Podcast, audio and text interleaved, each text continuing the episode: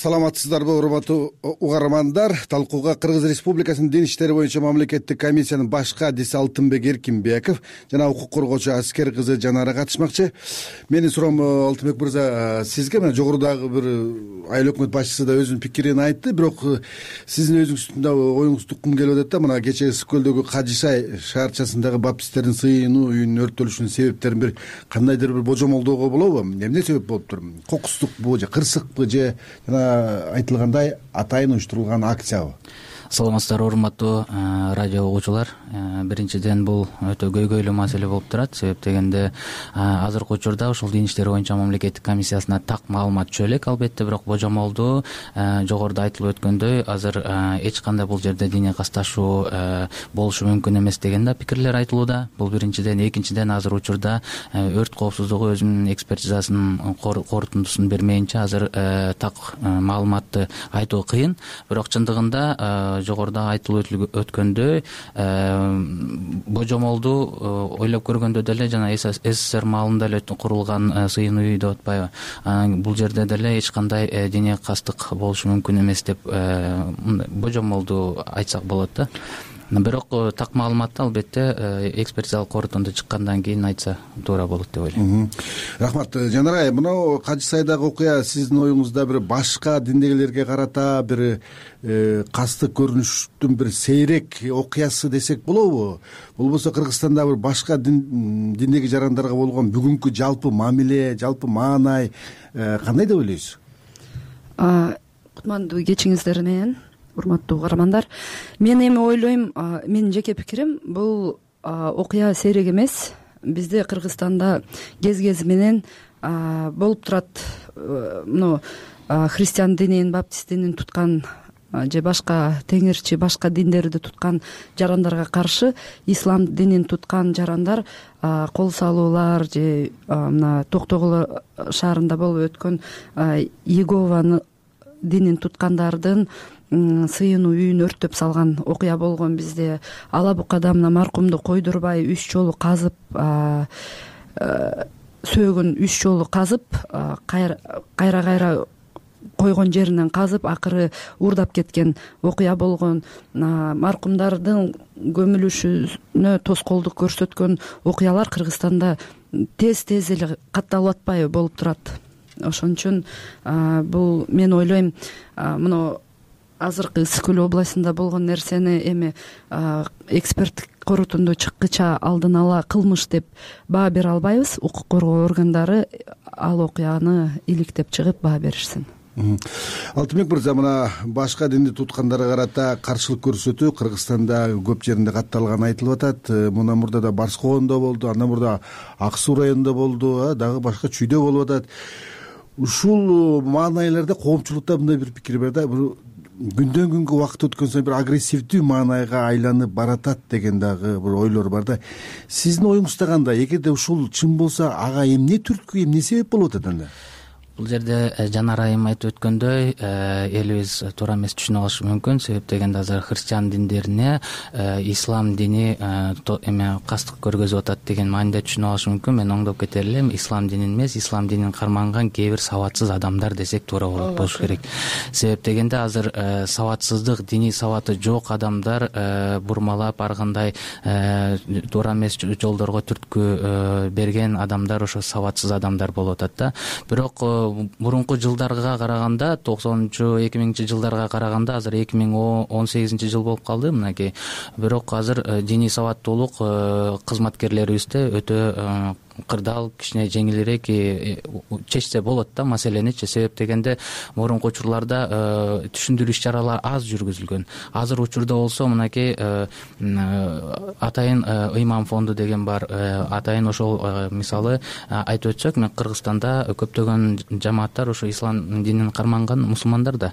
Алардан мисалы мечиттердеги имамдарга атайын светтик дагы диний дагы билим сабак берилип атат да. Бул канча убактарда берилип турат билбейбиз бирок атайын сертификатка ээ болушат айлык маяна алышат атайын стипендия алышат. Ошентип иштеп азыр өзүлөрүнүн сабаттуулугун жогорулатып анткени адамдар эми элестетсеңиздер ссср маалында атеисттик атеисттик наанымды карманып анан кийин башка келип атайын демократиялык өлкөдө кандайдыр бир динди толук билүү бул азыр адамдардын баары динге суусап жаткан маалыда кандай маалыматтарды берсе ошону кадимкидей сууда эле сиңирип алышы мүмкүн да ошон үчүн адамдарга туура так маалыматты жеткизүү бул э, биздин ошол диний кызматкерлердин э, жана ошондой эле ушул мамлекеттик органдар тарабынан өткөрүлгөн кандайдыр бир түшүндүрүү иш чаралары маалымат берүү иш чаралары э, албетте диний кызматкерлерди өзүлөрүн кой берип койбостон баардыгын көзөмөлгө алып биргеликте кызмат кылуу кыргызда жакшы сөз бар эмес беле. Бир жаккадан баш бир жеңден кол чыгарып ынтымакта биргеликте эң азыр бул идеология идеологиялуу күрөш бул өтө азыр өтө көйгөйлүү маселе болуп турат идеологиялуу күрөш бул э, эме айткандай война без правил деп коебу э?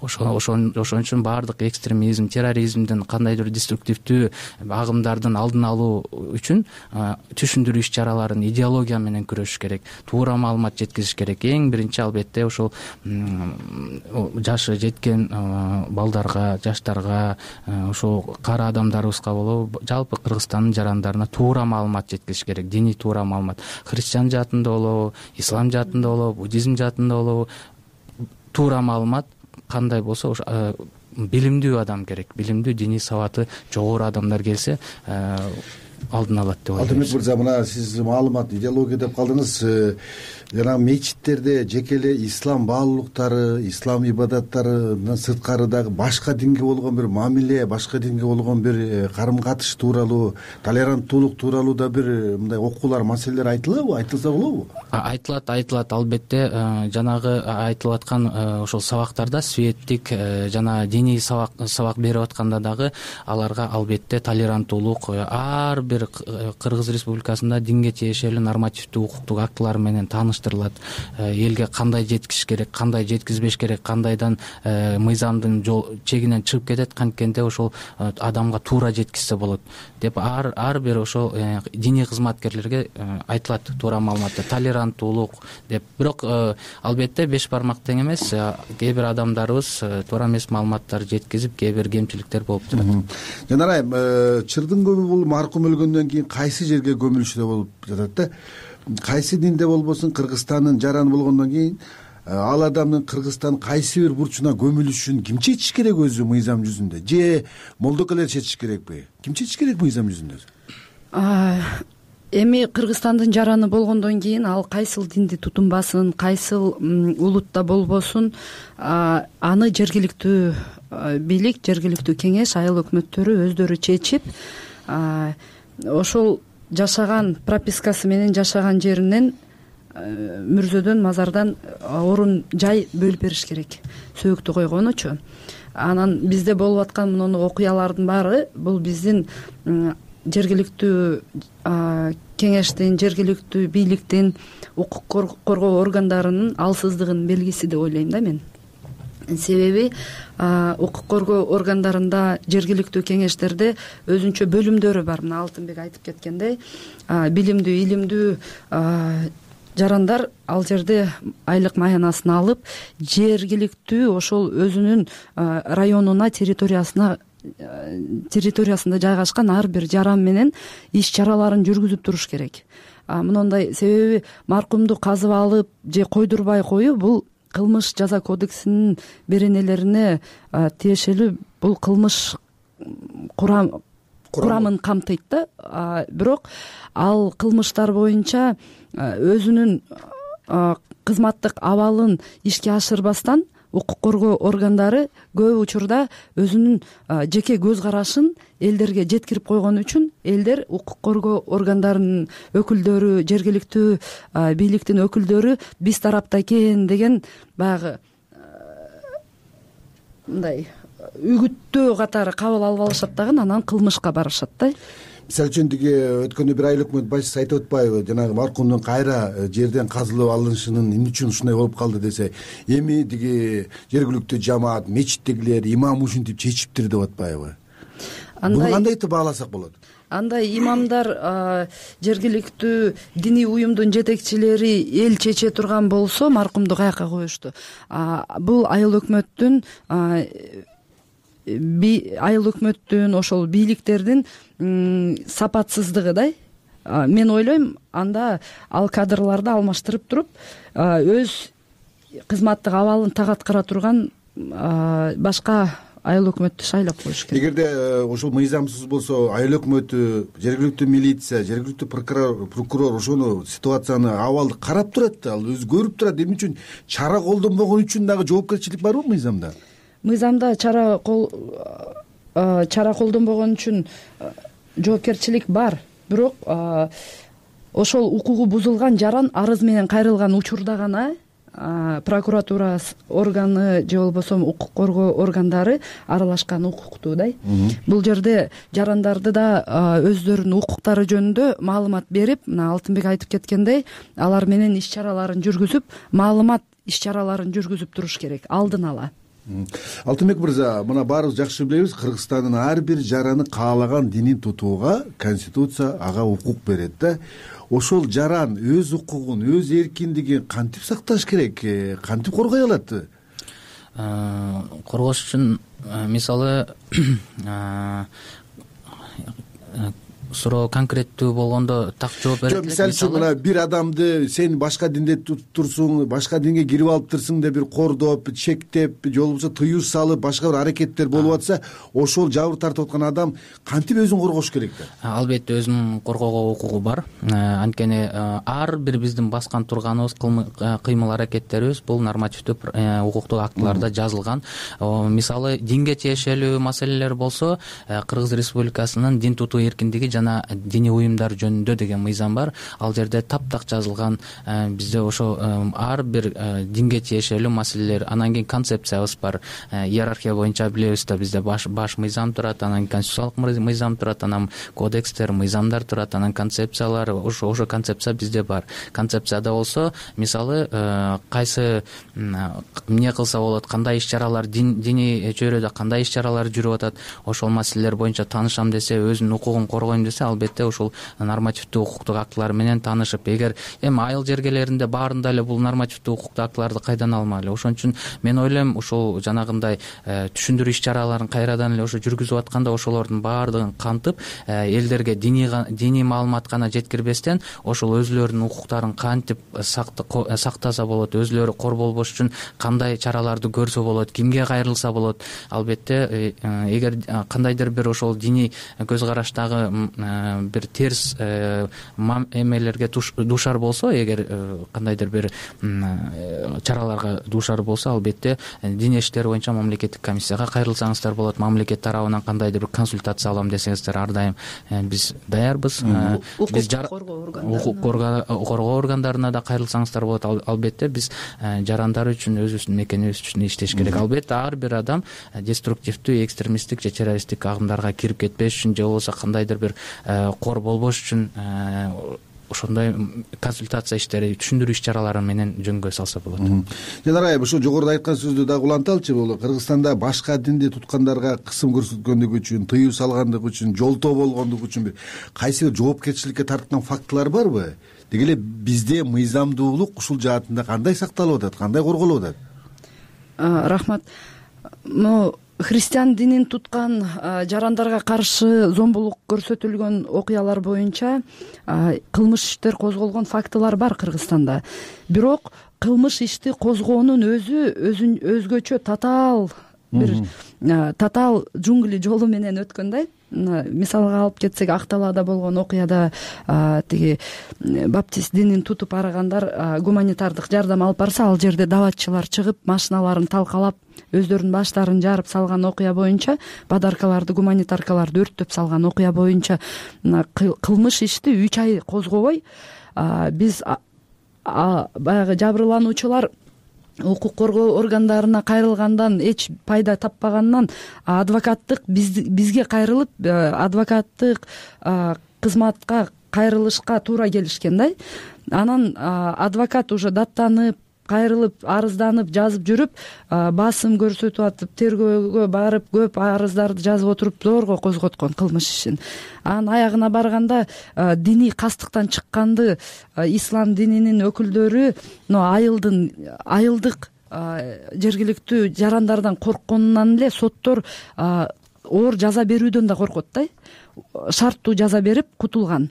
Ошондой эле мына акыркы окуяны эсиңерде баарыбыздын эсибизде баягы ала букада маркумду үч жолу казып чыккан окуя боюнча деле алты баланы жоопкерчиликке тартты акыры. Ал да мына бишкекте биз сми баардык аки пресс баардык смилерди подключать этип кошуп ошолор аркылуу мвдга генералдык прокуратурага арызданып даттанып отуруп кылмыш ишин козгодук канча убакыт өткөндөн кийин. Бирок кылмыш иш козголгондон кийин жоопкерчиликке тартылган жарандарды да сотко баргандан кийин сот эми мну диний кастыктан чыгып келген кылмыштар боюнча жеңил жаза берет да. Эгерде жазаны оорураак берип бир эки прецедент кылып койсо мен ойлойт элем мну көйгөй азайып жергиликтүү ушундай кылмыш э, жоопкерчилигине тартылат экенбиз деп элдерге маалымат ошол маалыматтарды так жеткирип койсо элдер да ойлонуп калат эле деп ойлойм да.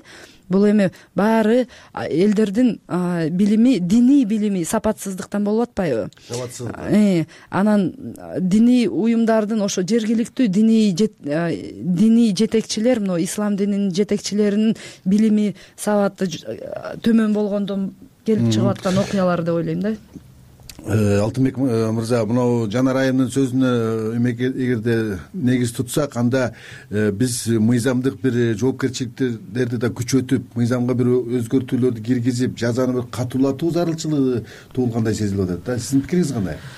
Бул боюнча албетте мунун баары ошо сабатсыздыктан келип келип атат деп айттык. Бирок э, албетте нормативдүү укуктук актыларга э, тиешелүү э, эмелерди да пункттарды да киргизсе албетте жакшы болмок. Бирок баары убакыт убакыт анан кийин бул нерселердин алдын алуу үчүн албетте сиз айткандай э, тиешелүү чаралар көрүлүш керек албетте. Анткени мисалы баардык эле диндерде айтылат биздин э, мыйзамда баш мыйзамда деле айтылат э, динде эч мажбурлоо болбош керек. Эч мажбурлоо жок.